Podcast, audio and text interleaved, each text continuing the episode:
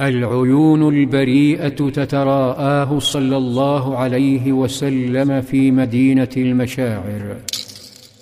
طلع الفجر فتوقفت القصواء ونزل عنها صلى الله عليه وسلم وصاحبه الصديق. لم يكن هناك من مسجد ولا أذان ولا إقامة. صلى النبي صلى الله عليه وسلم بالناس ثم ركب ناقته وأردف الصديق خلفه. لتشرق على المدينة أجمل شمس وأسعد يوم في تاريخها. ثمة طفل بريء اسمه البراء بن عازب. يركض مع الأطفال ويقول جاء رسول الله صلى الله عليه وسلم فما رأيت أهل المدينة فرحوا بشيء قط فرحهم به. حتى رأيت البنات والصبيان يسعون في الطرق ويقولون جاء رسول الله. أما الطفل العذب أنس بن مالك فيبدو أنه كان ضئيل الجسم. يركض يسابق الأطفال.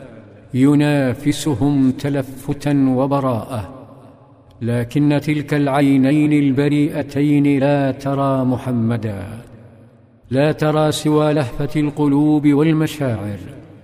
فيصف حاله ويقول إني لأسعى في الغلمان يقولون جاء محمد وأسعى ولا أرى شيئا.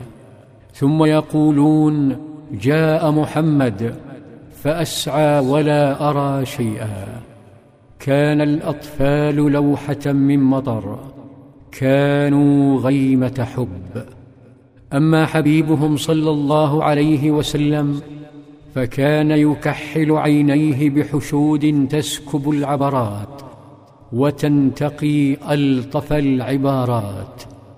عمر كان هناك وحمزة وعمار وابن مسعود والمعلم الفقير مصعب بن عمير ورفيقه الأعمى بن أم مكتوم الذي يطرب قلبه لما يجري فيتمنى لو أبصر اليوم بعينيه. خباب وبلال حران في مدينة لا سياط فيها لأمية وأبي جهل لن يسحبهما السفهاء بالحبال بعد اليوم. فشباب المدينة ينافسون شيبهم كرما وأدبا. آه يا مكة. اي كابه تعانيها طرقاتها وهي تخلو من محمد وصحب محمد. عليه الصلاة والسلام. تخلو من الحوار والدعوة وقراءة القرآن وثقافته. ها قد أعادها أبو جهل أسيرة للكآبة ووأد البنات. أعادها لعبادة الأخشاب. أما المدينة فالمشاعر فيها تقل نبي الله وتظله وزمام القصواء تتخاطفه الأيدي والقلوب. الكل يريده صلى الله عليه وسلم. الكل يتمنى استضافته والاحتفال به. يمر بطريق فيرى مجموعة من السعداء من أهل الحبشة. يراهم يرقصون رقصة إفريقية ابتهاجا وفرحا. فيقف أنس ببراءة أمامهم ويبتسم ثم يقول لما قدم رسول الله صلى الله عليه وسلم لعبت الحبشة بحرابهم فرحا بقدومه.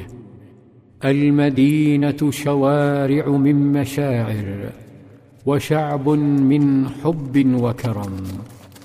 هم الأنصار وليس لكرم الأنصار مثيل. في ظلال في ظلال في ظلال السيرة.